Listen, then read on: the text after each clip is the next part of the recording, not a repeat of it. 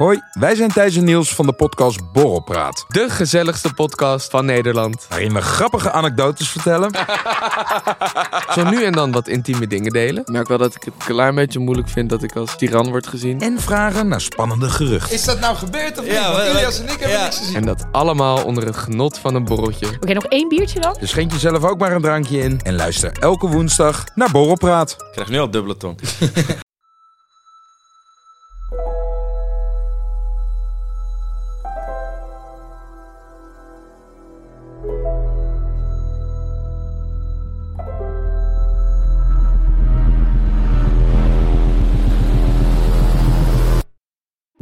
Het is 10 uur ochtends, vrijdag 3 november 2023. We zitten op zolder van de Montelbaanstoren. Het ruikt hier naar boeken. Deze woorden zijn, zolang je de autocorrect niet meetelt, volledig geschreven door een mens. Het is een vreemde tijd. We voelen dat er iets groots gebeurt, maar tegelijkertijd allemaal moeilijk te bevatten. Het is alsof iemand de videoband met daarop de gehele geschiedenis in een razend tempo aan het doorspoelen is.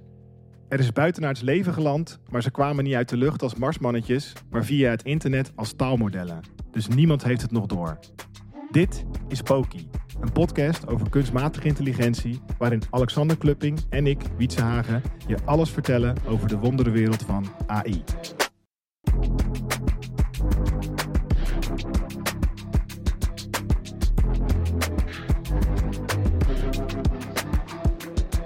Hey Wietse, Hey Alexander. Gisteren eh, op het moment dat wij dit opnemen werd bekend dat er een Nederlands taalmodel aangekomen van TNO. Daar gaan we het straks over hebben. Maar eerst wil ik het graag met je hebben over iets wat mijn hoofd doet ontploffen. En dat is Runway ML.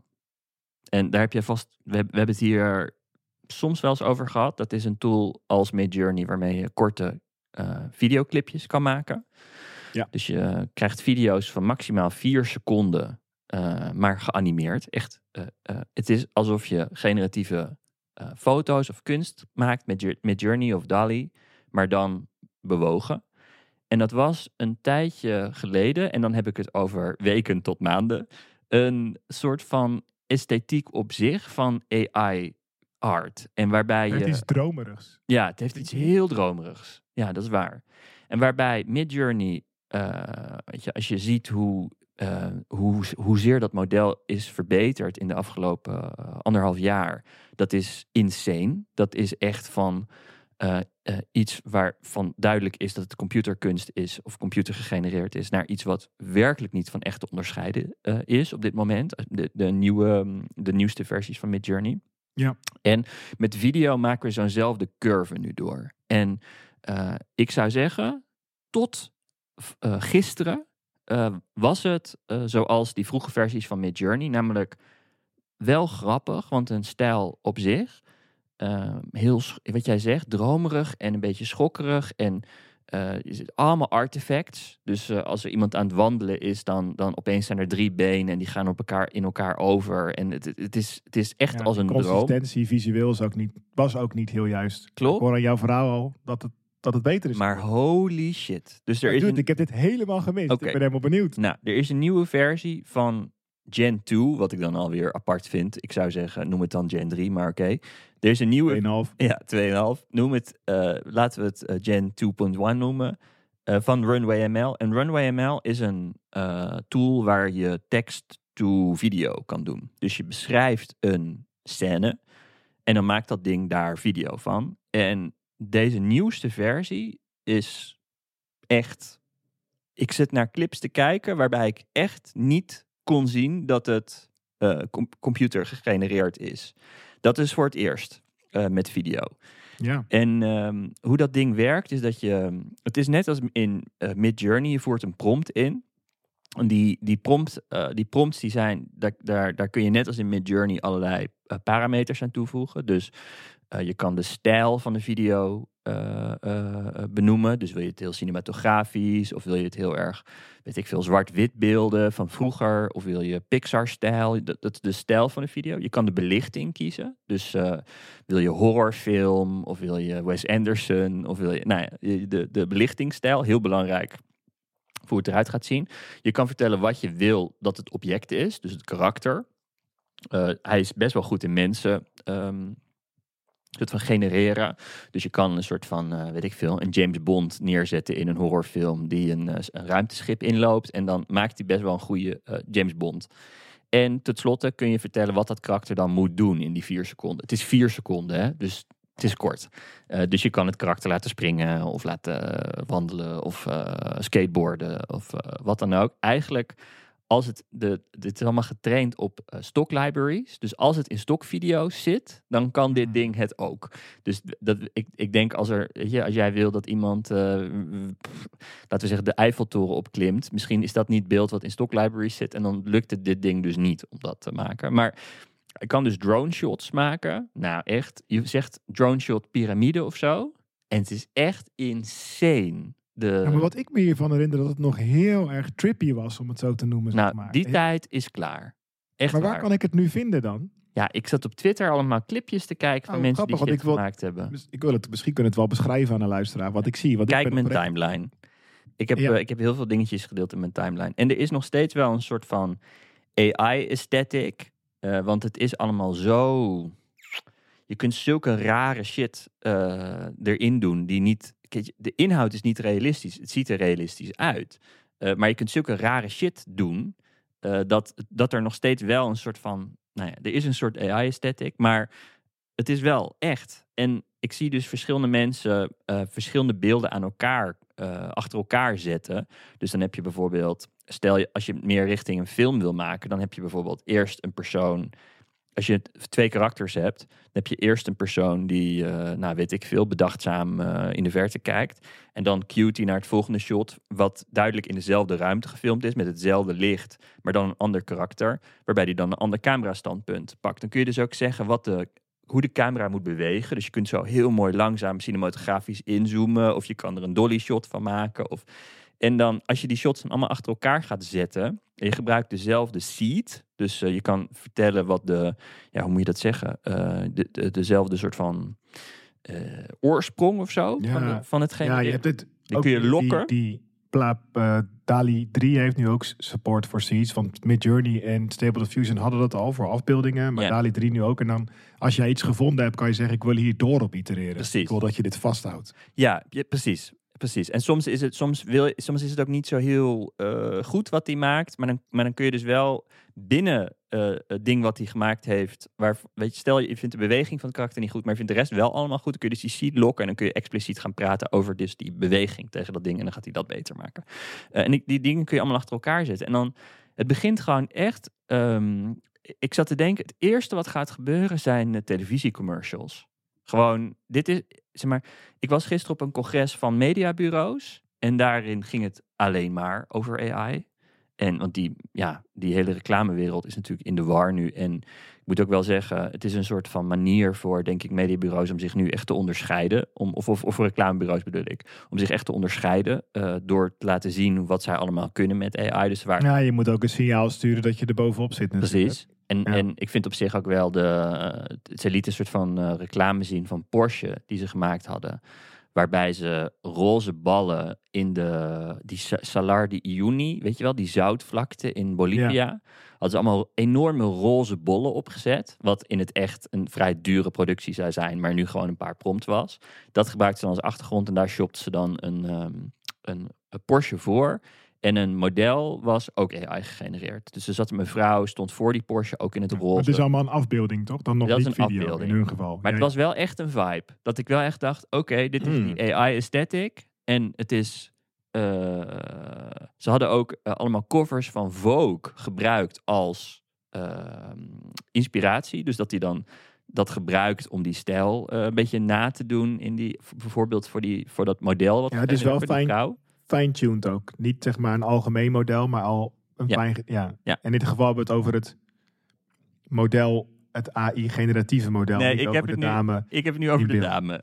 Oh ja, dat weer over de Het dame. model, het, het mens. Erg verwarrend. Maar niet een echt mens, een AI-mens. ja. En ehm, Oh, oké. Het Ja. was niet... Oké, die was ook gegenereerd. mhm. Oh, En het zag er Ja, echt, echt heel erg geloof Een model gegenereerd met een model. Yep. Jongen, jongen. Oké. En ik dacht dus, oké, dit ziet er super vet uit. Deze hele zaal van reclame mensen, die gaat hier lijp, uh, die wordt hier lijp van. Dus dit is iets, dit, gaat over, dit gaan we overal zien. Als ik dat combineer met wat ik vandaag zie over die video's die gemaakt worden, dan denk ik echt, gewoon kijk naar hoeveel, kijk naar een gemiddelde tv-commercial en je weet gewoon binnen nu en een half jaar nou, ik weet niet hoeveel van die reclames gevuld gaan worden met AI-content, maar echt een heel groot deel. Nou, we hebben natuurlijk onze Cora van Mora grapje gehad hè, met TikTok. En dat ze zegt dat je nog even een kroketje of een skuisvleesje kan eten s'avonds.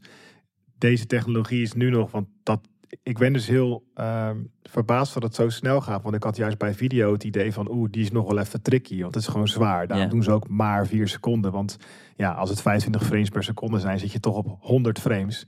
Terwijl een gemiddelde plaatje genereren in DALI 3 duurt een aantal seconden op een ultra datacenter ergens in Zeewolde. Dus weet je, met uh, allemaal waterkracht, bewijzen van. Maar dus dat zij 100 frames kunnen genereren en daarmee 4 seconden is, is eigenlijk heel erg knap. Je kan allerlei trucjes doen, vast wel om mid-frames te genereren en de rest ertussen. Maar dan nog. Ja, ik denk niet dat hij dat. Ehm, ja, ik weet niet. Het zou kunnen dat hij dat doet, inderdaad. Ja, weet ik niet. Het is een gokje hoor. Dus zij, zij zullen daar vast uh, slimme trucjes voor hebben. Maar dat het ja, want video is gewoon zo ontzettend zwaar in vergelijking met afbeeldingen en tekst. Dat ik het echt gaaf vind dat ze het zo snel voor elkaar hebben. En ik zat nu meteen, nu jij dit vertelt, te denken als het echt real-time kan, ja. het is schaalbaar, ja. dan kan je natuurlijk ook op doelgroepen gaan cateren. Kijk, je kan pre-renderen, dat je zegt, we doen voor vijf, zes doelgroepen reclame ja, maken. zo. Dus... Maar ik zit echt real-time, real-time te denken. Kijk, als het TikTok-clipjes zijn van 10 seconden en hij is aangepast op jouw aesthetic, dus, en de persoon die jij waardeert, uh, ja, dan is het de kwestie van rest, recht te kopen op Linda de Mol en Winston Kustanovic. Ja. En dan kan je gewoon kijken wie wie nodig heeft. Nou, even, even vertragend. Dus dit betekent dat een, nu op TikTok kijk, krijg je een video en die is in ieder geval voor iedereen hetzelfde. Misschien is de keuze is voor jou persoonlijk. Maar er zijn naast jou nog wel andere mensen die waarbij het algoritme denkt, dit is een interessante video voor jou. Die video is dus voor iedereen, voor, voor iedereen die die video ziet hetzelfde. Maar stel nou dat je een video helemaal uit elkaar trekt en je, ziet, je bekijkt het meer als verschillende lagen. En je kan dus in, in, in je kan dus real-time worden versies voor jou gerenderd in een esthetiek die beter op jou werkt. Dus misschien, weet ik veel, een ander hoofdkarakter. Of uh, misschien, is, misschien is de hele vibe van de video wel. En de muziek en de wel aangepast aan jouw smaak. En dat is opeens realistischer uh, hiermee. Ja. ja, iets wat gaat gewoon met gebeuren. afbeeldingen en tekst al eerder kan. Oh, maar ik vind het ehm, zo'n gek idee dat gewoon alle informatie die we tot ons gaan krijgen, geïntermedieerd gaat worden door dit soort algoritmes. Ja. We hebben het eerder gehad over dat vertalen. Dus je luistert een podcast en dan en niet alleen kun je de, uh, de content gewoon in, in, de, in je eigen taal doen. Dus met gekloonde stemmen. En dat je dan een Engelstalige podcast in het Nederlands kan luisteren. Met de originele stemmen en met de originele muziek. Maar ook dat de podcast aangepast kan worden aan jouw tijdspannen. Dus als jij 40 minuten in de auto zit, dat ze er even 10 minuten afknippen als de podcast origineel 50 minuten is. Of dat ze constateren, nou, uh, de voorkennis van deze persoon is niet groot genoeg om deze podcast te volgen. Dus we gaan het even wat uitgebreider maken. We gaan de ingewikkelde concepten iets meer de tijd nemen om die uit te leggen. En voor mensen die uh, verder op de wagen zitten, uh, dat dat juist eruit gaat. Gewoon het idee dat, je, dat informatie die je consumeert helemaal aangepast is aan jou. Weet je, is, is een soort van, ja, ik weet niet, ik had, daar ging het in mijn studie al over. De, dat, dat, dat zeg maar nieuws en, en informatieconsumptie gepersonaliseerd gaat worden. En toen hebben we nieuwsfeeds gehad. En uh, weet je, mensen consumeren het nieuws via algoritmes. Nou, dat op zich. Die, uh, dit is een grote verandering, maar ja, filterbubbels, is een grote verandering, maar het is ook weer niet ja, ik weet niet, ik wil niet bagatelliseren, want er zijn ook gewoon kapitoolrellen geweest en uh, op basis van allerlei filterbubbels. Dus ik wil niet zeggen, er is niet zoveel gebeurd, maar er zijn toch nog steeds ook heel veel mensen die teletext lezen. Ja. En um, het idee dat, dat de, de, informatie die voor jou gekozen wordt, als dat, nou, als, als dat ook nog verder ontwikkelt, maar ook nog daadwerkelijk de informatie zelf synthetisch gegenereerd wordt, ja, ik weet niet, ik ik kan er gewoon met mijn hoofd niet bij. En als ik dit nu weer zie, dan denk ik, oh ja, dit, dit gaat er sowieso TikTok inkomen. Zeg maar, wat betekent dit voor de volgende versie van TikTok? Of wat dan ook dat bedrijf gaat zijn, welk bedrijf dat dan ook gaat zijn. Dat je naar synthetische informatie gaat zitten kijken. Ja, het is ja ik te denken dat, um, ja, net als in, in, in het filterbubbelverhaal, dat, dat idee van een, van een consensusrealiteit is eigenlijk, ja, een realiteit waar we grotendeels met elkaar in leven en waar redelijke consensus is over wat wel of niet waar is. en redelijke consensus over ehm, nou ja, wat, wat we zien, wat we subjectief meemaken. We hebben nooit in een pure consensus geleefd met elkaar, hè, waarin we allemaal subjectief hetzelfde dachten. Dus allemaal, even voor een, voor een beeld voor mensen die denken, waar heeft hij het over? Als je met 100 mensen, uh, als je 300 jaar geleden met 100 mensen keek naar iets wat gebeurde ergens, een brand in het dorp, en je vraagt aan die 100 mensen wat, wat gebeurt, en dan zeggen ze allemaal ongeveer, ik zie een dorp en dat dorp staat in brand en mhm. dat is wat er nu gaande is. Ja, misschien dat er dan één bij zat die zei, uh, dit is een teken van God. Of uh, ik, ik lees hier nog meer in dan een brand. Of, uh, hè, maar weet ik niet, kan ik niet zo goed inschatten. Maar er was waarschijnlijk genoeg consensus. Want we leven met elkaar. Met een taal en een cultuur heb je een bepaalde consensus. Je moet wat overlap hebben om te kunnen communiceren. Als je elkaars taal niet spreekt, heb je al een probleem. Maar als je echt de wereld gewoon heel anders ervaart, dan, dan wordt het wel moeilijk om nog met elkaar te praten. Je hebt bijvoorbeeld de filosoof Deleuze, die boeken moest gaan schrijven om zijn boeken uit te leggen. Want die had dus boeken waarin die ideeën ging uitleggen. Maar om die ideeën uit te leggen had hij nieuwe concepten nodig. Dus moest hij eerst boeken gaan schrijven om jou de concepten uit te leggen. Om ze uiteindelijk in boeken te kunnen gaan lezen. Als een soort brug tussen hem en ons. Omdat hij ja, zo'n wereld had bedacht met, met dingen die hij zag. Waar hij geen bestaande woorden en concepten voor kon vinden. Dus toen nieuwe concepten moest gaan maken om die toe te passen in zijn boeken. Maar waarom legt hij dat dan niet gewoon uit in het boek? Waarom zegt hij dan niet gewoon, dit is dit concept? Nou, de, je zou zeggen, doe niet zo moeilijk. Ja. Hè? En het is, bedoel, iedere uh, schrijver die zou misschien aan het begin zeggen: joh, ik heb hier een nieuw woord, uh, een nudging. Uh, en dat, dat houdt voor mij dit of dat in. Dan doe je wat definities en dan kan je toepassen in je eigen verhaal. Maar als het natuurlijk meer dan alleen maar drie, vier concepten zijn, maar echt een heel filosofisch systeem, hm. waarbij concepten weer op elkaar bouwen. Nou, dan was het in zijn oog in ieder geval nodig om echt systemische boeken te maken. Om daarmee uh, ja, de rest van zijn werk toegankelijk te maken. Hm. Maar dan probeer je dus eigenlijk een brug te maken, zo zie ik dat dan voor me. Tussen wat in de consensus, uh, wat in de huidige tijdsgeest uh, begrepen wordt door. er hoeft niet eens iedereen te zijn. Hè? Je moet, kijk, als jij, als jij morgen mij belt en zegt: Nou, Wiets, ik heb, ik heb nog eens nagedacht over AI en video. Ik, heb, ik zie daar hele grote implicaties voor uh, sociale cohesie. En uh, nou ja, ik maak me zorgen en ik vind het ook super gaaf. En daar heb ik een boek over geschreven. Maar als jij daar dan termen in gaat gebruiken en concepten die ik echt niet ken, dan moet je eerst even een brug met mij bouwen. Hoef je niet met de hele wereld te doen, maar als je, als je wil dat ik jou ga begrijpen, zullen we dat moeten doen. En zo... Oké, maar er was dus een dorp wat in, waar wij een fik was en daar was een gedeelde realiteit. Ja, en dat, dat, dan gaat het redelijk goed. Want zolang je een gedeelde realiteit hebt, dan kan je, daar, daar komt van alles uit voort. Ook uh, uh, dat je met elkaar actie kunt ondernemen. En dat je met elkaar nou ja, in vrede kunt leven. Of in ieder geval weet wat je mm. doel is en waar je naartoe gaat. Anders ben je alleen maar aan het discussiëren over waar je het eigenlijk nou daadwerkelijk ziet. Wat zien we eigenlijk? Um, en op het moment dat je, en dat is dus niet nieuw, hè, want de filterbubbels waren er al. En vroeger had je zuilen hè, en, en, kranten en verschillende religies. Het is niet mm. per se zo nieuw. Ik denk wat er nieuw aan is, is de hyperindividualisering, de atomisering van al die kleine mini-realiteitjes samen. En dat je dus, uh, kijk, op het moment dat je met een x duizend mensen in Nederland de Volkskrant leest, dan heb je daar je stukje consensus over. En dat hoeft niet perfect te zijn, maar genoeg overlap om met elkaar te kunnen praten. Of binnen je mhm. politieke partij, noem het maar op. Mhm. En een cultuur zo groot als een land of een continent.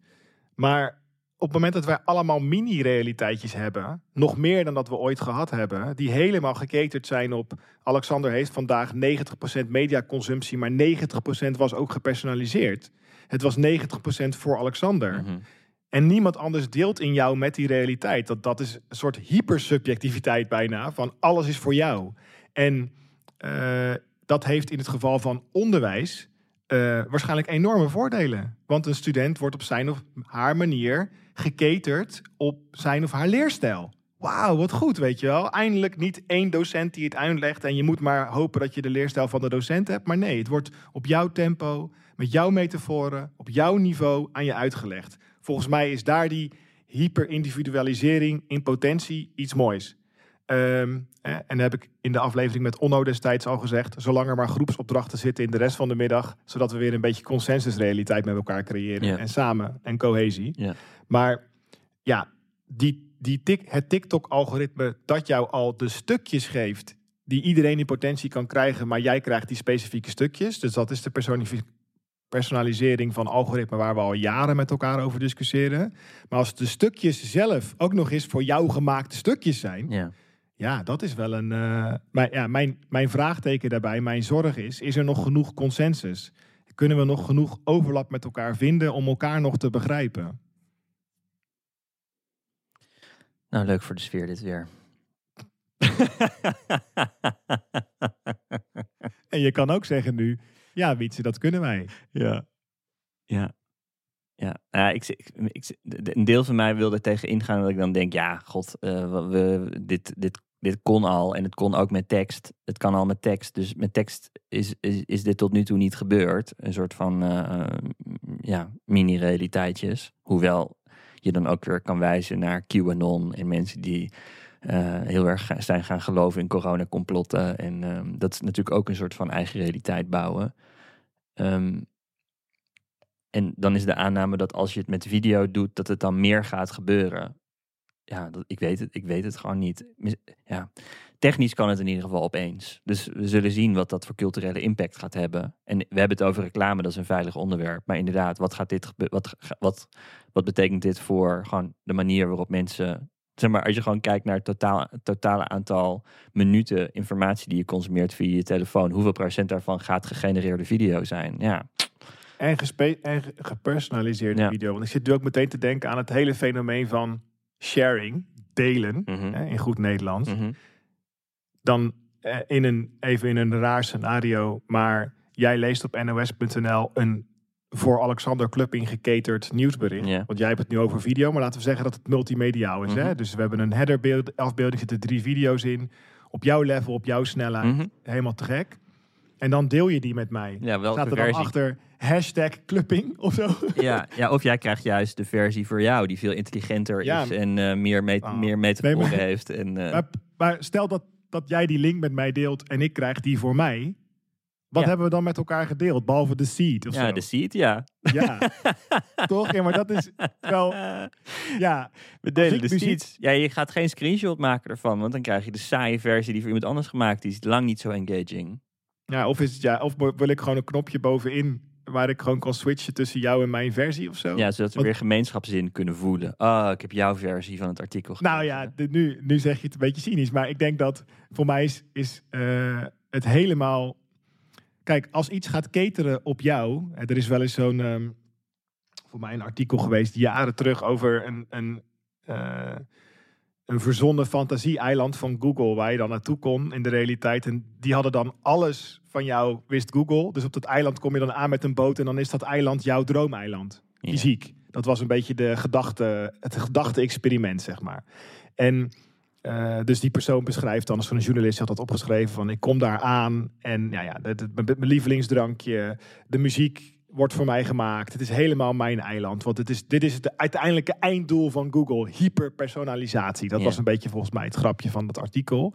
Kijk, ehm, het punt is dat daar dus in zit dat jij geeft aan een. Het is de oude algoritme discussie, maar hij is nu weer een beetje relevanter. Want de technologie wordt gewoon steeds beter om dit mogelijk te maken. Dus ik wil hem toch weer even voeren. Is dat het algoritme op jou eh, gaat cateren als mens, als individu. Jouw wensen, perfect voor jou. Jouw tempo, jouw snelheid, jouw woorden, jouw concepten. Noem het maar op. De plaatjes die voor jou wat doen. Maar daar zit dus het idee in dat jij weet wat jij wil. Mhm. En dat jij goed kan laten zien aan een algoritme wat jij nodig hebt. Er zitten alle die aannames en daar zit dan mijn zorg. Dat ik denk van ja, misschien ook leuk om Wietses versie een keer te lezen. Want misschien denk jij wel, hmm, Maar dit is toch Nu- precies hoe het TikTok-algoritme werkt. Die probeert, die zit de hele tijd soort van testjes te doen met en content die nog niet breed gedeeld is, om te kijken is dit misschien wat voor een groter publiek. En twee, content buiten jouw eh, g- vastgestelde interessegebieden. dus hij, gaat, hij, hij, hij zit de hele tijd te poken. Hij, hij geeft je veel waarvan die de kans heel groot acht dat je het leuk gaat vinden. En hij geeft je, denk ik, één op de tien video's of zo. Een video die echt buiten jouw interessezone valt. Om te kijken of je nieuwe. Want als je alleen maar content uit jouw eigen interessegebieden gaat, gaat serveren als TikTok zijnde. Dan eh, raak jij de interesse kwijt. Want je moet de hele Ja, tijd hebben gevoel al hebben dat je soort- iets nieuws krijgt. serendipity ingebouwd. Ja, een soort zeker. van. Ja, ja. Een soort, Zeker. ja, ja, ja, ja. De- dus dat, dat op die manier gebeurt al. Ja, misschien wat ik dan nog zou willen is een uh, inputveld of iets dat ik kan zeggen, joh, ik, ik wil eigenlijk meer gaan sporten. Ik weet dat ik heel de tijd Roma kijk, maar als je dan iets er doorheen gooit, doe even wat, uh, wat content rondom uh, lichamelijk nee, oké. Dus ervan uitgaan dat je weet wat je, wat, je, wat je wil of wat goed voor jou is. Oké. Ja, of wat ik denk dat ik zou moeten willen. Maar goed, een soort inputveld wat, wat 99% van de tijd leeg blijft. Ik bedoel, in TikTok kun je ook searchen. Maar wat, wat de meeste mensen doen is gewoon de homefeed openen. Ik heb dus wel eens, heb, heb, het was echt een geweldige video van de Wall Street Journal gekeken. Waarin ze, ze hadden 100 telefoons naast elkaar gelegd. Daar hebben ze allemaal uh, TikTok vers op geïnstalleerd. En ze hebben één identificerend hmm. element meegegeven aan iedere telefoon. Dus bij één is het een locatie, bij de ander is het een interessegebied, bij de ander is het een demografisch gegeven, dus een leeftijd of wat dan ook. En dan kijken ze, als ze bij iedereen op dezelfde snelheid gaan uh, scrollen, dus volgende video, aangegrepen mhm. door de video's. Dan kijken ze dus hoe dat eerste identificerende element uh, definiërend is voor, zeg maar, wat, wat voor effect dat heeft als je dan uh, een uur verder bent met, uh, met mhm. scrollen. En dan heeft hij dus, op basis van het eerste identificerende element, heeft hij dus jou een soort van rabbit hole inge ja, dat is weer die seed, hè? Dat wordt een beetje de rode draad van deze aflevering, merk ik. Maar het is waar het begon, toch? Waar het uitgegroeid is. Ja, precies. Ja, ja, ja, eerste indicator. En op basis daarvan hebben ze dus een soort van grafiek gemaakt van die hele interesse graph, die zij in ieder geval konden constateren met 100 telefoons, van uh, TikTok-onderwerpen. En zij hmm. constateren dan dus ook dat als iemand aanleg heeft voor depressiviteit, en dat is de, um, de seed, dat, dat TikTok je echt een soort diepdal in, in stuurt. van hele tragische sad video's.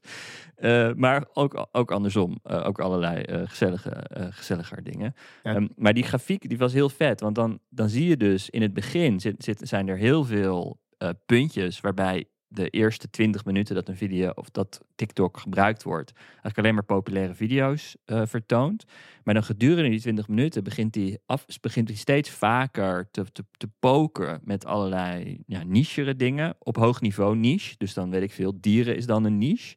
En dan, als die eenmaal raak is, dan gaat hij daar verder in. En dan, als je, als je dat gevisualiseerd ziet, is het dus bijna als een soort van bol die in het begin heel dens is, maar waar allemaal tentakels uitkomen. Mm. En die tentakels zijn dan die ja, die soort van niches. En die krijgen ook steeds minder uh, vertakkingen. Omdat ja, binnen niche van een niche van een niche van een niche van een niche heb je steeds minder vertakkingen. Dus, en dat zag je dan gevisualiseerd. En soms dan zit ik wel eens in bed te TikTokken met een soort van uh, de, regen, de regen tegen de ramen. En dan zie ik dus voor me hoe ik in die grafiek. Ja, uh, je bent je bewust. Ja, en ik word zo sad. Maar ik denk, ik denk dat het een beetje. Ik zat te denken aan de cheesy Chris Martin quote van Coldplay: van When you get what you want, but not what you need. Zeg maar, ik denk wel dat er een verschil is tussen wat we willen en nodig hebben. En dat er, daar kunnen we tot een eeuwigheid over discussiëren.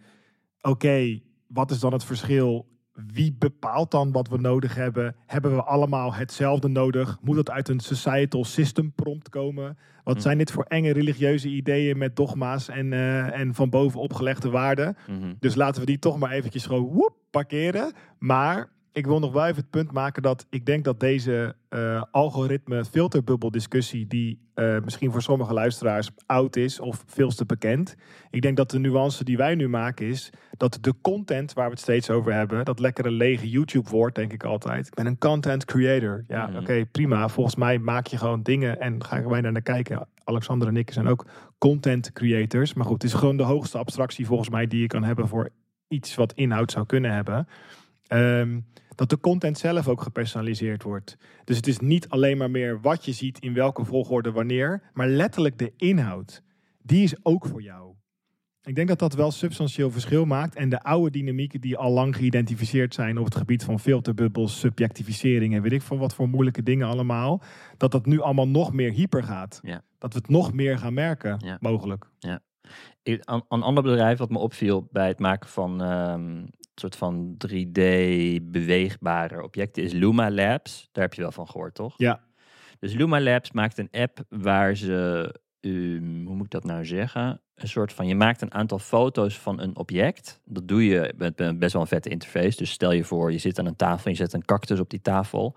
Dan ehm, wordt, die, word je in die UI geïnstrueerd om om die tafel heen te gaan wandelen met je iPhone in je, in je hand. Zodat je Mhm. helemaal rondloopt. Zodat je die cactus van boven een rondje maakt, dan van de zijkant een rondje maakt en dan van een onderaanzicht. Dus je maakt drie rondjes. Dan heb je die cactus vanuit alle hoeken eh, gefotografeerd. Dan druk je op renderen, dat duurt een minuutje. En vanaf dat moment heb je een 3D-versie van die cactus, waarbij je de, eh, de scène, dus ja, wat je net hebt gedaan, dat wandelen, eh, waarbij je hem kan manipuleren door met je vinger. Dus je kan, eh, zoals in Street View, je in Google Street View je door de wereld kan bewegen, kun je opeens die cactus op je scherm van alle kanten bekijken. Nou, dat is iets waar ze, dat was eh, een jaar geleden of zo, was dat heel vet.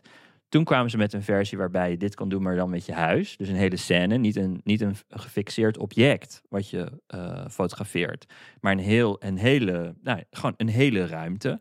Waarbij dus dat ding je weer instrueert om een bepaalde manier door de ruimte te lopen. En dat kan van alles zijn. Eh, en dan eh, maakt hij dus een soort van 3D-representatie van die, ja, van die scène op basis van ja, inputfoto's. Eigenlijk maakt hij gewoon heel veel foto's.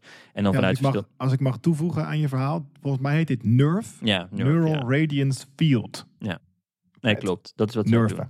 Ja. En ehm, dat zijn dus twee dingetjes die ze gedaan hebben. En dat laatste is echt heel vet, want dan kun je dus zelfs een soort van drone shot laten genereren van je kamer. Om het onbeperkt aantal drone shots kunnen genereren op basis van die beelden die je net gemaakt hebt. En ik probeer me dus de hele tijd voor te stellen, hoe, wat gaat dit betekenen voor fotoalbums van de, van de toekomst? Zeg maar, als je dan de verjaardag van je kinderen eh, wil fotograferen, kun je dan gewoon die, een, een scène vastgesteld in de tijd. Wat ik me dan voorzie is dat je dus niet alleen gewoon onbeperkt drone shots kan maken van eh, je kind die een verjaardagstaart uitbla uitblaast, maar dat dan ook zo'n tool als eh, Runway dan die kaarsjes mooi animeert. Of weet je, dus dat, dat er nog wel iets van beweging Ja, ik- in die Ik scène zit. voel meteen een soort Harry Potter krantachtige sfeer met schilderijen die tegen je praten-achtige sfeertje. Precies. Ja, dit, dit is ook een beetje wat aansluit op, op die soort perfect storm van VR, AR, Vision. Pro en AI in één. Ja. Ik zit even alle hype-termen van de tijd bij elkaar Ja, te maar het plakken. komt bij Maar elkaar nu. Het komt gewoon bij elkaar, Ja. want die nerf, generfde kamers en Precies. die momenten, die kan je natuurlijk helemaal tot je nemen in zo'n eh skibril van Apple. Dus dat Ja. gaat natuurlijk alle kanten op. Nou, en dat is, dat is eh, het volgende ding wat zij aankondigen. Dat was het nieuwste, wat zij volgens mij een paar weken geleden nu hebben aangekondigd. Luma Labs heeft een tool gemaakt die heet Genie. En Genie is een text-to-3D engine. En zij hebben, wat zij hebben gedaan, is zij hebben al die beelden die wij in het afgelopen jaar met die app hebben gemaakt, met wij bedoel ik appgebruikers van eh, Luma Labs, die dus objecten zoals cacti en eh, eh, andere objecten die mensen in 3D gefotografeerd hebben. Wa- Wat ik niet door had, was dat dat allemaal een soort van opmaat was naar dit ding. Namelijk dat ze genoeg gebruikers hadden die foto's gefotografeerd hebben en die getagd hebben, of misschien een soort van eh, image recognition. En daarmee kunnen ze dus, kun je dus nu eh text to 3D doen. Dus als jij zegt, doe mij een plaatje van een hamburger, krijg je een 3D hamburger. Maar je kan dus ook zeggen, eh, doe me een hamburger, maar dan in plaats van broodjes moet het Oreo cookies zijn. En dan krijg je dus een hamburger gemaakt van Oreo cookies. Oftewel, hij kan, zoals je in Midjourney je fantasie kunt gebruiken om alles te genereren, kun je dus nu. We hebben dus nu foto's gehad genereren. We hebben nu net video's besproken genereren. En dit is dus 3D beelden genereren. En dat Ja. is dan weer. Ik zag iemand die het heeft eh, gemaakt voor Oculus. Om het, om, om het rondje maar compleet te maken. Waar dus iemand. Ja, waarbij dus iemand die 3D-objecten die dus gegenereerd worden uit stof. Of nou ja, beelden die mensen eerder hebben eh, toe- toegevoegd aan die app. En blijkbaar hun auteursrechten daarop hebben weggetekend. eh, dat in, de, in een 3D-wereld eh, zetten. Nou, dan ben je rond. Ik zit te denken, wij hebben ooit jaren geleden in een 3D VR-experience op zombies geschoten. Ik weet, waren het zombies? Oh, ja. Ik weet het niet meer. Weet je nog? In de VR-arcade of zoiets. Nou, dat, is waar. lang geleden. Maar, Ja. En nu zat ik, ik had ineens door jouw verhaal dat ik dacht nu, ja, maar als het dan zo, eh, ja, hoe zeg je dat, schaalbaar is. Hè? Dus je kunt echt met een druk op de knop hele 3D-werelden creëren ook. En dan zou je misschien kunnen zeggen dat in die game, om het even ook te koppelen met het verhaal hiervoor, over de consensusrealiteit, dat ik daar eh, in een soort Zelda eh, Breath of the Wild, dus dat is eh, een soort Mm. gezellige wereld vol gras, zon Ja. en gezelligheid ben. En jij bent echt in een hell dystopian zombiewereld. Ik zou zeggen zitten in Super Mario dezelfde- Land. Ja, ik Maar ben in. Mario uh, Teletubbyland. En jij staat gewoon echt, ja, wat is het? nou, eh, eh, dar- Black Mirror uh, Ja, incarnated in een VR-game. Ja. Vreselijk. Mhm. En dan, maar we zijn in dezelfde fysieke ruimte. Ja, in dezelfde. En, wij, en jij begint op mij. hetzelfde. Ja, jij schiet terwijl ik brandjes aan het blussen ben. Ja, ja, ja. Ik noem maar wat. ja, ja, ja, En-. Maar ik denk dat dit is even mijn beeld om aan te geven wat er gebeurt als je dus nog wel in dezelfde fysieke realiteit met elkaar bent, zoals wij dat nu al zijn, zeg maar. Ik bedoel, ja, eh, als je iemand tegenkomt op straat. Maar op diezelfde manier zijn we nooit hetzelfde geweest. Maar de, de dial, zeg maar, het draaiknopje nu, de slider van die consensus, die slider van hoe groot het gat gaat worden tussen onze beleving van in essentie dezelfde fysieke situatie. Ja, dat, dat, dat ding is aan het schuiven nu door deze technologie. En eh, ja, eh, interessante tijden. Goed, laten we naar iets anders doorgaan. Even voor de foodies en drukke levensgenieters onder ons. Je kent het wel. Je hebt net een drukke dag achter de rug en je hebt eigenlijk geen zin om uitgebreid te koken. Wel nu, Lazy Vegan heeft daar de oplossing voor. We hebben het over echt lekkere roerbakmaaltijden. Voedzaam, vol met knapperige groenten en het beste van alles klaar in slechts 8 minuten. Je hoeft niet ver te zoeken. Deze kleurrijke zakken liggen gewoon in de vriezer bij verschillende supermarkten en flitsbezorgers. En voor de prijs hoef je het ook niet te laten vanaf slechts 4,99 euro. Er is nu een nieuwe smaak gelanceerd bij Albert Heijn, Korean Noodles. Je kunt de knallende roze verpakking niet missen. Voor meer informatie en het complete assortiment check lazyvegan.com. En ja, de link vind je ook in de show notes. Eh, ik las in de Volkskrant dat het ministerie van Economische Zaken 13,5 miljard miljoen euro uittrekt voor de bouw van GPT-NL. Niet echt een fantasievolle, rij, fantasie- fantasievolle naam. Een AI-taalmodel dat als basis kan dienen voor chatbots. En dat wordt gemaakt door onder andere TNO, door het NFI en SURF. En zij gaan dus een eigen taalmodel trainen, waarbij eh, het ongemak wat nu eh, bestaat met taalmodellen uit Amerika van Big Tech, die getraind zijn op allerlei trainingsdata waarvan we helemaal niet weten. Ja, één, we weten niet wat voor data in zit, wat voor biases daarin zitten. Eh, dat is een probleem als je AI serieus wil gaan gebruiken voor bijvoorbeeld overheidsdoelstellingen. Dan wil je niet gebruik maken van zo'n taalmodel waarbij je dat niet kan herleiden. Helemaal niet als je geautomatiseerde beslissingen gaat nemen, wat dan waarschijnlijk gaat gebeuren. Ehm, daarnaast is het helemaal niet duidelijk of die eh, rechten wel geregeld zijn. Eh, dus eh, hij zal ongetwijfeld in het OpenAI heeft allerlei data naar binnen geslurpt waar ze helemaal de auteursrechten niet over hebben. Dat Ja. willen ze in Nederland dus beter gaan doen. En het idee is dan ook dat dit gaat helpen om AI-talent in Nederland te houden. In plaats van dat die naar grote Amerikaanse of Chinese techbedrijven gaan. Ehm, en dat zal niet in eerste instantie, eh, denk ik, beter worden dan eh, ChatGPT. Dus het zal een beetje tegen gaan vallen. Waarschijnlijk als ze eenmaal dit getraind hebben met 13,5 miljoen. eh, wat de functionaliteit daarvan is. Ehm, maar Misschien al genoeg geld om alleen maar dat cluster te moeten huren om het te trainen. Nog los van dat je er... energiegebruik bedoel je? Ja, ik, ik, ik, dat, het, sch- het schijnt echt gigantisch te zijn om Ja. zoiets te doen. Maar goed, Ja. dat, dat is moeilijk in te schatten. Ik, ik ben wel meteen benieuwd en ik kan dat niet vinden. Of, kijk, als het is ehm eh, chat.rijksoverheid.nl en inloggen met je DigiD, zodat je kan praten met een model gemaakt door de, met geld van de overheid. Ik hoop het niet. Ik wil dit ding op Hugging Face. Ik wil dat ik hem kan dat- downloaden, toch? Ja, Dat maar denk ik ik wel wel. dat ze dat gaan doen hoor. Ja, want dan is het echt vet. Want als je hem dan ook commercieel mag gebruiken, dan kan je hem ook gewoon ja, als bedrijf inzetten en zeggen, Ja. joh, binnen onze, eh, ja, als we met taalmodellen werken, werken we met dit model. Ja. Openlijk. verbazen hoor als dat niet zo is. Want dit is natuurlijk de gedachte erachter. Dat het, eh, dat, Ja, het is ook non-profit overheidsgeld. Dus Mhm. je gaat ervan uit dat dat hele model dan gewoon netjes eh, in de ranking op Hugging Face terechtkomt. Maar ik heb dus wel eens gelezen dat wij echt best wel veel supercomputerkracht hebben. Dat Nederland. Eh, dat wij gewoon eh, best wel veel van die, eh, van die videokaartjes ergens hebben staan. in ja, misschien, nee, maar misschien is dan mijn opmerking wel heel erg naïef. Misschien is dat helemaal niet meegenomen in het budget, want dat hoeft niet, want het is al betaald. Ja. Die dingen staan nu niks te doen, dat denk ik niet hoor. Maar hè, die, die staan weer modellen te berekenen. Ik, ik heb echt geen idee. Nee, maar het is die een zijn, ander budget is waarschijnlijk van ruimte. het NFI. Ja, Ja, je betaalde ja. überhaupt al stroomkosten. Niet dat dat opeens dan dat dat opeens van Ja. dit budget af moet. Nee, waarschijnlijk gaat dit dan naar, naar mensen. Ja. Kun je in de Ja, AI-wereld dan weer tien mensen voor aannemen? Nou, gefeliciteerd. ja, ja. ja, ik zit wel te denken, want houden. er zijn, meer, er zijn meer landen in Europa die ermee bezig zijn, toch? Zweden, begreep ik. En de Duitsers zijn er ook mee bezig, volgens mij. Ja, en het idee die- is dan dat dit één groot Europees taalmodel gaat worden. Hoe werkt zoiets? Hoe kun je uit verschillende taalmodellen één taalmodel maken? Ja, je hebt die, ehm, sowieso kan je ze natuurlijk koppelen door ze simpelweg, of simpelweg, dat is helemaal niet simpel, maar je kunt ze laten samenwerken in groepsverband. Hè? Net als de EU zelf, dat je een soort uh, ja, federatie van modellen maakt, waarbij je met een meta-model praat. En niet het meta het bedrijf, maar meta het hangt erboven, zeg maar. Oké. En die zijn allemaal ehm, gespecialiseerd in één ding of zo? Ja. Ja, en dan misschien dat die. Je wil eigenlijk misschien een soort uh, proxy-model hebben die zegt: Ik merk dat dit heel erg gaat over een context waar ik van weet dat model A uh, ja, precies. Het is het GPTNL uh, misschien geschikter is om dit antwoord te geven. Ik mis dat sowieso nog een beetje in. Ik weet dat sommige mensen het zelf bouwen, zeg maar, met open source modellen. Uh, ja, een soort, meer een soort groepsproces. Dus dan creëer je een aantal entiteiten die je ook namen geeft. Je eigen persona's, zeg maar. De wiskundige, de geschiedkundige. Dat doe je allemaal met taalmodellen op je eigen machine.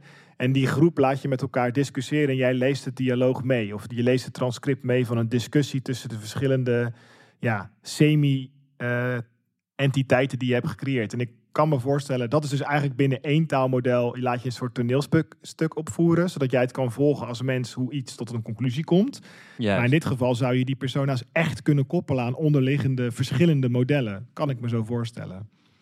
het ehm, idee voor het Nederlands model is dus ook dat er verschillende, dat, dat het transparanter is in de zin van hoe het tot uh, ja, tekst misschien is dat nog wel belangrijker. Ja. Toch? wat er ingegaan is. Uh, ja, precies. Ik moet eraan denken door wat je zegt hoor. Uh, dat, dat, het dus, dat, dat, dat het een punt op zich wordt dat, dat het herleidbaar is hoe hij tot, ik zeg hij, uh, tot, tot tekst komt. Om, om, om biases te vermijden. En ja, in, in het geval van overheidsbeslissingen wil je gewoon dat dat transparant is voordat je AI gaat gebruiken. Je wil niet dat het een black box wordt en dat we alleen maar de output krijgen. Ja, en ik begreep ook dat er is best wel wat, want ik weet dat in Adobe Firefly, waar we het wel eens over hebben gehad, in ieder geval vanaf het begin met het trainen van hun uh, afbeelding generatie generating algoritme, dat daar in ieder geval gezorgd is dat ze kunnen herleiden uit hun stok dataset van foto's. Joh, het is een foto van Alexander geweest die heeft bijgedragen aan dit eindproduct. Dus Alexander krijgt een credit. Hè? Ik leg maar even simpel, maar ja. dus er is uh, royalties worden betaald, ook al zijn het maar uh, dubbeltjes dat je mogelijk ook als je dit vanaf het begin goed opzet, zo'n model, veel sterker en beter kunt herleiden van hey, we hebben hier nu een, uh, ja, een eindproduct, noem het een appeltaart, maar we kunnen ook kijken waar de appels vandaan komen die erin zitten. Juist. Je hebt uiteindelijk uh, en uh, de mail komt uit die en die en die hoek. Ik weet niet precies. Ik weet dat er veel onderzoek naar is. Ik heb geen idee hoe dit dan uiteindelijk werkt. Maar ik kan me voorstellen dat, dat als je dit vanaf het begin als een van je kernwaarden hebt. Dus we willen herleidbaar een herleidbaar model, dat dat uh, een heel ander iets oplevert dan wat tot nu toe uh, Anthropic en OpenAI hebben gedaan. Want het cynisme wat ik een beetje hoor in de, verschillende media die ik uh, tot me neem, is volgens mij vindt OpenAI, OpenAI het wel lekker dat ze niet kunnen herleiden waar precies. het vandaan komt. Ja, dat is voor hun juridisch eigenlijk gunstiger. Ja. En dit klinkt als een conspiracy, maar goed, dat mag je dan in het midden laten hoe, hoe, hoe erg conspiracy het is. Maar het is voor hun eigenlijk niet zo gunstig om hun eigen modellen helemaal te gaan openmaken als een soort uilenballetje. Want het geeft alleen maar problemen. Ja, juridische problemen. Ja. En um, het, het zou dus kunnen dat dit Nederlands model, ik, we weten dit niet, maar dit zou, dit zou zo'n specialisatieslag kunnen zijn. En ik kan me dus ook voorstellen dat er talent voor te werven is, die dan denken, oké, uh, ik, ik, uh, dus mensen die veel gevraagd zijn in deze wereld, dat ze dan ook denken: oké, dit is een manier om bij te dragen. Want dit is heel belangrijk, een soort van accountability in, in AI. Um, ik ben dan wel heel benieuwd wat de brondata is waar erop getraind gaat, gaat worden. Uh, want uh, bij OpenAI, die trekken gewoon alles leeg. waar geen, geen, geen ja. no-robot op zit. Kan je wel benieuwd een goed maken als je eerlijk bent. Ja, precies. En ik, ik, maar dat doet mij dus denken, zou het dan niet nu een vorm van maatschappelijk verantwoord ondernemer zijn voor bedrijven om hun content te, te, te doneren hmm. aan dit model yeah. voor volk en vaderland? Dus dat, dat jij uh, DPG bent, of je bent Mediahuis, of je bent, uh, nou wat hebben we nog meer als Nederland, NPO. Gewoon alle content van de NPO getranscribeerd. Of uh, nou, we, hebben, we hebben beeld en geluid, maar goed, zijn we allemaal andere rechthebbenden. Eigenlijk vind, eigenlijk vind ik dus dat gewoon alle. We moeten nu dan iedereen, iedereen de handen op elkaar krijgen om dit Nederlandse alternatief, wat open source is en weet je, voor de mensen En niet met, met een winstoogmerk en, uh, en allerlei andere belangen als die Amerikaanse bedrijven hebben. Moeten we dit nu ook wel echt gaan omarmen met z'n allen. En dan vind ik ook dat die bedrijven moeten laten zien. We geven het niet aan Google, we geven het niet aan, ja. uh, aan OpenAI. We geven het wel aan uh, dit sympathieke initiatief. Nou, ik denk dat als gezien het feit dat we er langzaam achter komen wat er allemaal in de GPT-modellen van OpenAI terechtgekomen is aan content die gescreept is van Nederlandse websites, Ja. onder andere, zou je natuurlijk kunnen zeggen dat gaan we er of uit laten halen. Ja, dat kan Ja. niet, denk ik.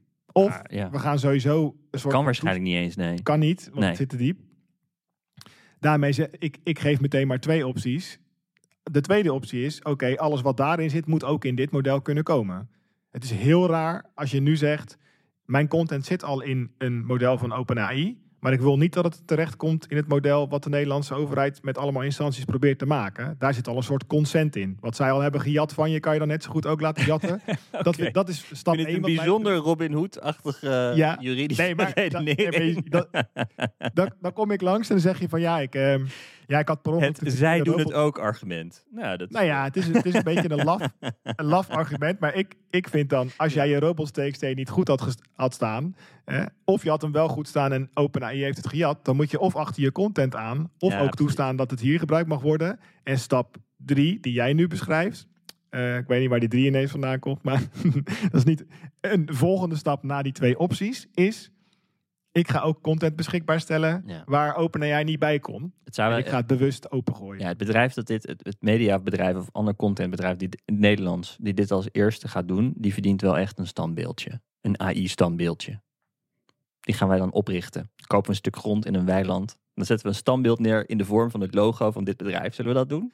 Ja, als dat standbeeldje dan ook genervd kan worden daarna. Ja, zeker. Ik wil dat standbeeldje vanuit alle oogpunten en hoekpunten en belichtingen kunnen zien. dat kan. Dat kan.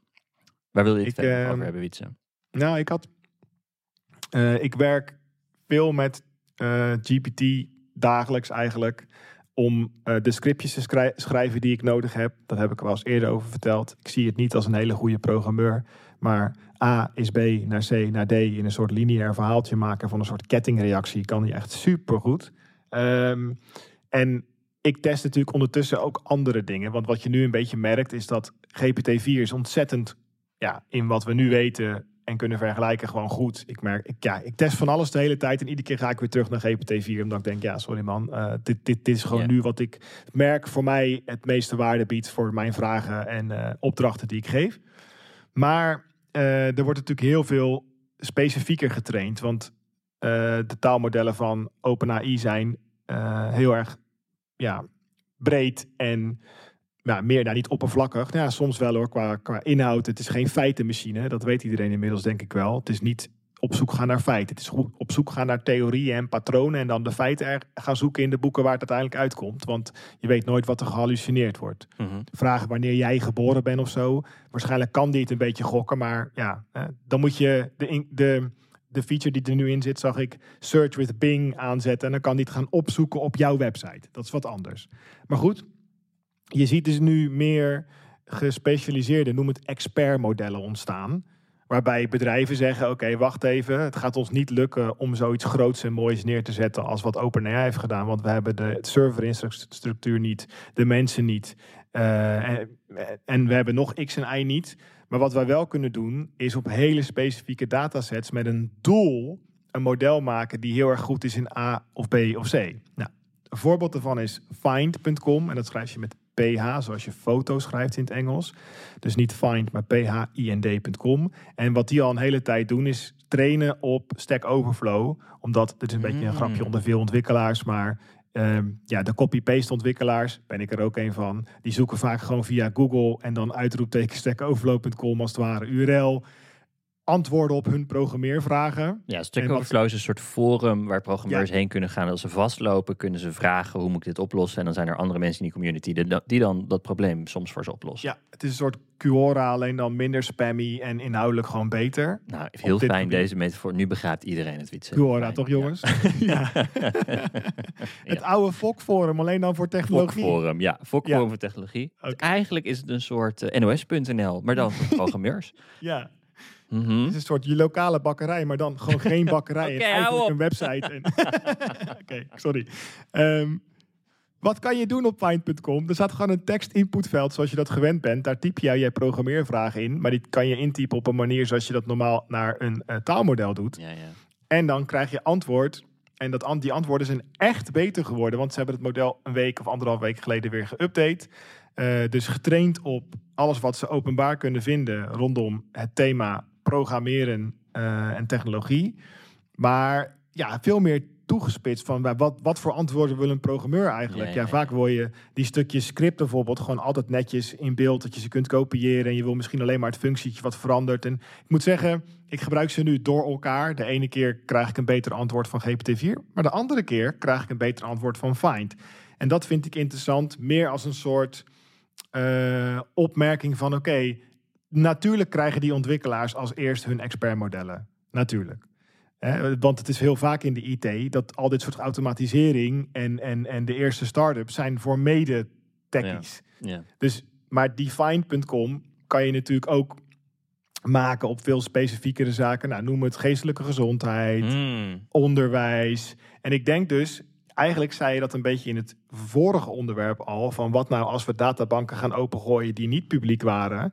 Ehm, dat je natuurlijk kan gaan kijken van oké, we hebben hier misschien wel eh 50 jaar eh, discours rondom onderwerp I, wat we in een hele mooie database hebben zitten al, gedigitaliseerd, want dat moest. Zullen we eens een model gaan trainen op dat onderwerp en dan helemaal freaken daarop? En dat je bijvoorbeeld zegt, eh, de data die erin zit, is dus de kwaliteit is hoger, er is minder ruis omheen. Want het, is, he- het, het- het wordt dus een model dat eh, niet zo intelligent is op het merendeel van de onderwerpen, maar op één of twee onderwerpen een expert is. Maar wat ik niet begrijp hieraan is, hoe kan, zeg maar, hoe kan dit beter zijn dan... Kijk, dat het, dat het beter kan zijn dan ChatGPT begrijp ik ergens nog wel. Ondanks dat allebei waarschijnlijk getraind zijn op dezelfde dataset. Want ik, het lijkt me dat OpenAI ook gewoon Stack Overflow heeft leeggetrokken. Ja. Maar eh, vooral als ik denk aan ehm, Copilot van, eh, wat is het, GitHub. eh, Dan zou ik zeggen, daar zit ook nog eens een keer een feedback loop in. Want daar zoek je op allerlei AI-code. En GitHub weet of je dan vervolgens die code implementeert, ja of nee. Dus als het, als het antwoord ja is, dan zou je dat als signaal kunnen interpreteren dat Mm. dat dus een goede suggestie was. En dat is een soort Ja. feedbackmechanisme om die, om, om, om ja, die AI relevanter te maken. Lijkt mij, zeg ik als leek. Ehm, maar hoe, hoe kan het dan dat zo'n zo'n systeem wat dan alleen maar zoeken is en verder niet weet hoe je het implementeert, hoe kan dat ooit beter zijn dan zo'n geïntegreerde... Nou, ik denk dat dat één ding al is dat je natuurlijk kan zeggen in het geval van Find. Ik weet het niet precies hoor, maar we gaan iedere twee weken updaten. We gaan iedere twee weken opnieuw trainen. Dat Update is veel te duur. Ehm, nou, in ieder geval. Nee, dus het is dezelfde data. Alleen het is ehm, in het geval van programmeervragen wil je natuurlijk eigenlijk de data van vandaag. Zeg maar, de OpenAI traint nu volgens mij iedere kwartaal. Wat Het is gewoon veel te data duur. van vandaag? Ehm, antwoorden op vragen rondom programmeren die gisteren zijn gegeven door iemand of vanochtend om tien uur. Ah, Die staan niet dat, in Dat forum blijft ook de hele tijd... eh, ja, dat, nee, dat, dat, is een Er zijn nog fire- mensen die dat naar dat forum gaan om daar vragen en antwoorden te geven. Ja, ja, dat is echt een firehose. zeg Ja, nee, is niet sure. zo snel als Twitter, denk ik. Maar dit is sowieso... ehm, op het moment dat jij eh, keuzes gaat maken... wat je wel of niet in je model gaat stoppen om te trainen... of in ieder geval in je trainingsdataset gaat stoppen... om je uiteindelijk een model te trainen... dan kan je vaker trainen. Want een klein model trainen is goedkoper dan een groot model trainen. Dus daar heb je al voordeel nummer één is... dat je wekelijks of twee wekelijks kunt gaan updaten. Want dat is nu. Jij zei tegen mij net van. eh, ik wilde iets vinden op Reddit. En toen zei je. Ja, je moet inloggen. Want die gasten hebben alles dichtgegooid. Net als Twitter nu heeft gedaan. voor, Dat zorgt er. voor het, tegen het scrapen van... ja, het zorgt er natuurlijk voor dat. De, want ik merk ook bij mezelf heel vaak dat ik vergeet. hoe niet up-to-date eh, ChatGPT is. Ja, dat, er zit gewoon een knowledge cut-off op. Want het is ontzettend duur om dat ding weer helemaal te trainen. Miljoenen. Er schiet ineens iets in mijn hoofd. Namelijk, ik heb ooit een verhaal gehoord van iemand die zei... ehm, het is heel vervelend als een goede medewerker bij een bedrijf weggaat. Want dan, ehm, dan, dan, dan verlies je veel kennis. Dus wat als je van iedere medewerker een bordje maakt. Dus je traint uh, de e-mails die die persoon heeft gestuurd. En uh, de chatberichten die die persoon heeft gestuurd. En alle files waar die persoon in geëdit heeft. En dat, dat, dat maak je helemaal tot een model. Waardoor je tot in oneindigheid kan blijven praten met die collega. Dus Henk is weg, maar je hebt Henk nog wel in je Slack. Um, de botversie van Henk. En toen uh, constateerde die bij het testen hiervan dat er nog wel fouten in zitten. Dus dat robot Henk niet altijd goede antwoorden geeft. Dus dat je dan robot Henk, dat je dan de echte Henk kan vragen om nog een half jaar op een consultancycontract te zitten. Zodat als de feedback van de medewerkers is negatief, namelijk dit is niet wat de echte Henk zou zeggen op deze vraag. Dat dan de vraag doorgespeeld wordt naar echte Henk. Echte Henk geeft dan het echte antwoord. Dat wordt weer gebruikt als basis om dat model verder te trainen. Waardoor Henk dan na zes maanden daadwerkelijk, weet je, met 80% of zo overbodig is geworden. Nou, als je dat, dat aanneemt, dat dit een soort van feedback loop wordt ehm, voor allerlei AI's die gespecialiseerd zijn op één thema. Je noemde net, uh, wat is het, medisch en we hebben het dus nu over programmeurs. Waarom is het eigenlijk nog niet zo dat Ehm, dat de beste programmeurs uh, werken om modellen beter te maken in plaats van. Ehm, of nee, niet alleen programmeurs, ik bedoel eigenlijk de beste experts op ieder onderwerp. Dat, dat die niet aan het werk zijn om het model te maken waar veel grotere hefboom op hun minuten tijd zit. Een soort van de return on investment is, is veel groter dan waarschijnlijk het, het specifieke ding waar ze nu aan werken. Maar dat je gewoon een soort van toplaag krijgt in de bevolking in de wereldbevolking. Van mensen die, als je dan echt het allerbeste bent in je vakgebied, dan ga je niet meer gewoon je werk doen. Weet ik veel, als je een dokter bent, uh, opereren of onderzoek doen of wat dan ook. Maar alleen maar een model uh, fine, helpen fine-tunen. En dat dat dan het onderscheidende uh, ding is dit is volgens mij een beetje wat in de geschiedenis. Dan heb je een protégé, toch? Dan heb je een student en die ga je dan één iemand hè, in dat geval. Dus jij bent, je bent echt een fantastische hartchirurg. Je gaat richting je pensioen. Misschien gaan je handen zelfs al een beetje trillen en voel je dat. En dan denk je, ik moet nu die volgende generatie gaan opleiden. Want dit is gewoon... Hè, en dit wat is, jij nu dit is het nieuwe protégé bedoel je? Ja, ja, ja. Toch? Ja, want dat is die dynamiek hadden we al. Maar ik denk wel, ik ga toch weer een beetje cynisch doen. Ik denk wel, ik ben benieuwd, hè, want wat ik een beetje zie uh, als dynamiek, uh, is dat je bijvoorbeeld ziet dat uh, DJ's, niet allemaal, maar dat DJ's en andere artiesten vaak nieuwe artiesten gaan scouten. zoals Dr. Dre ooit Eminem heeft gevonden, als het ware. En dan, dan heb je eigenlijk een aantal dynamieken die ik een aantal keer heb gezien, als ik dat een beetje zo zit te lezen in biografieën en zo. Is je kunt je kunt iemand in jouw eigen stal toevoegen, zeg maar. Uh, omdat je die als protégé ziet en denkt: oké, mijn tijd is geweest. Hè? Ik ben niet meer relevant. Of ja, ik wil graag de nieuwe generatie helpen. En dan ga je die persoon coachen en met de juiste mensen in contact brengen. En dan ontstaat daar misschien wel een artiest groter dan jijzelf. Hè? Dat, en als je, dan, als je dat echt op een beetje zuivere, wat meer egoloze manier kan doen dan vind je het ook niet erg dat daar iemand groter ontstaat dan jijzelf. Dit is de positieve lezing van een aantal verhalen die inmiddels uh, zijn gebeurd met artiesten. Die zijn als het ware gevonden, erkend, geholpen, in het zadel geholpen en voorbij aan hun eigen meesters gegroeid. Maar wat je ook wel eens ziet, is dat mensen juist op zoek gaan naar hun volgende. En die juist altijd een beetje klein zullen houden. Omdat ze denken, ja, ik kan maar beter Hè, keep, your, keep your friends close, but keep your future competitors closer. Ik ga zorgen dat ik ze in mijn stal hou, maar nooit helemaal op de podia laat draaien waar ik zelf zou, uh, zou willen staan. Dat, dat is de andere kant van die dynamiek. Dus ik vraag me af of um, in dezezelfde dynamiek zijn er misschien ook mensen die zeggen: ja, ik wil best één protégé opleiden, maar niet de laatste protégé ooit opleiden, namelijk een model Hè, die, die daarna, uh, ja, zolang die harde schijf uh, netjes gebackupt wordt, uh, voor altijd kan blijven doorleven. Dus ik, ik, je moet wel een beetje over je eigen ego heen om jezelf op te laten slurpen door een algoritme. Alles heeft toch een prijs? En ik, ik, ik, ik zie opeens voor me zitten dat de beste. Stel je voor, je, je, je, je, zie, zie de Zuidas voor je. En waar dan allemaal van die advocatenkantoren zitten. Als je dan echt een goede advocaat bent, dan word je partner bij de Brouw of weet ik veel, een van die advocatenkantoren. En dat in plaats van dat die mensen, die zitten nu op de bovenste verdieping achter hun marmeren bureaus. En die, die zijn al die mieren in die, in die verdiepingen er beneden aan het vertellen wat ze, wat ze allemaal moeten, moeten doen. Dan opeens zie ik voor me hoe juist die bovenste verdieping wordt omgeturnd in een soort van uh, cubicle farm. En dat iedereen alleen maar uh, uh, door een robot gestelde hypothetische juridische vraagstukken. met, met, met hun beste kennis alleen maar hypothetische vraagstukken aan het behandelen zijn tegen een AI om het model te trainen. Ja, en dat ze daar gewoon goed betaald voor worden, Wietse. Nou, ik denk dus dat ik kan me voorstellen dat als je nu, je bent advocaat, je draait al een tijd mee, je zit met je advocatenvrienden van verschillende firms een keer wat gezellig te eten. En dan gooit iemand het balletje op. Zullen we met elkaar een model gaan trainen? Ja.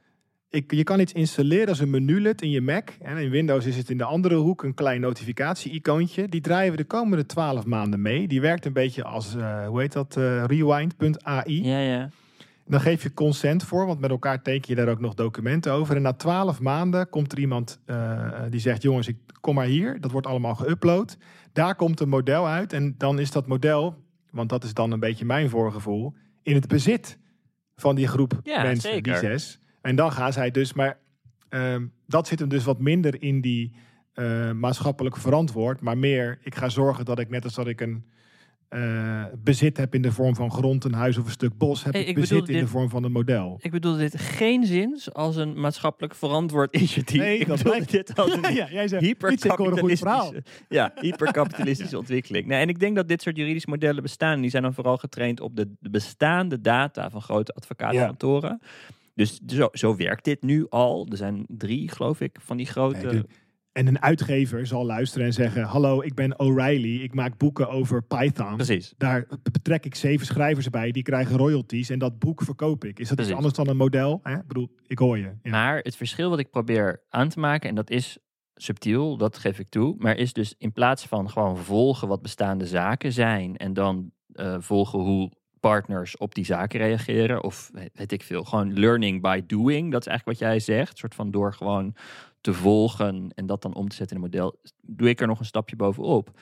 Namelijk de AI laten bepalen waar de feedback het nuttigst is. Dus de AI laten bepalen welke elementen missen in de feedback loop. En ja. daar een mens, een heel goed mens, uh, het model beter te laten maken. Ik zie opeens een soort van typeaapjes vormen.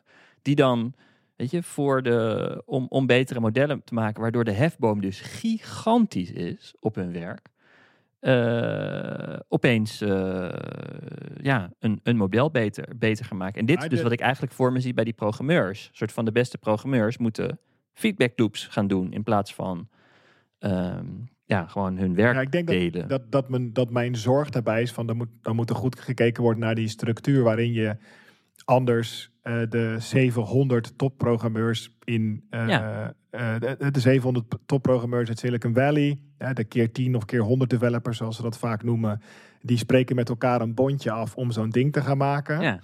En dat daarna de niet zo topprogrammeurs zoals ik, die mogen daar dan gebruik van maken ja. voor een tientje per maand. Alleen, ja, ja ik vraag me dan af, wat zo gaaf is, aan het idee in Nederland dat iedereen in essentie, zeker niet in deze tijd, maar in de basis, in de theorie, een huis zou kunnen bezitten.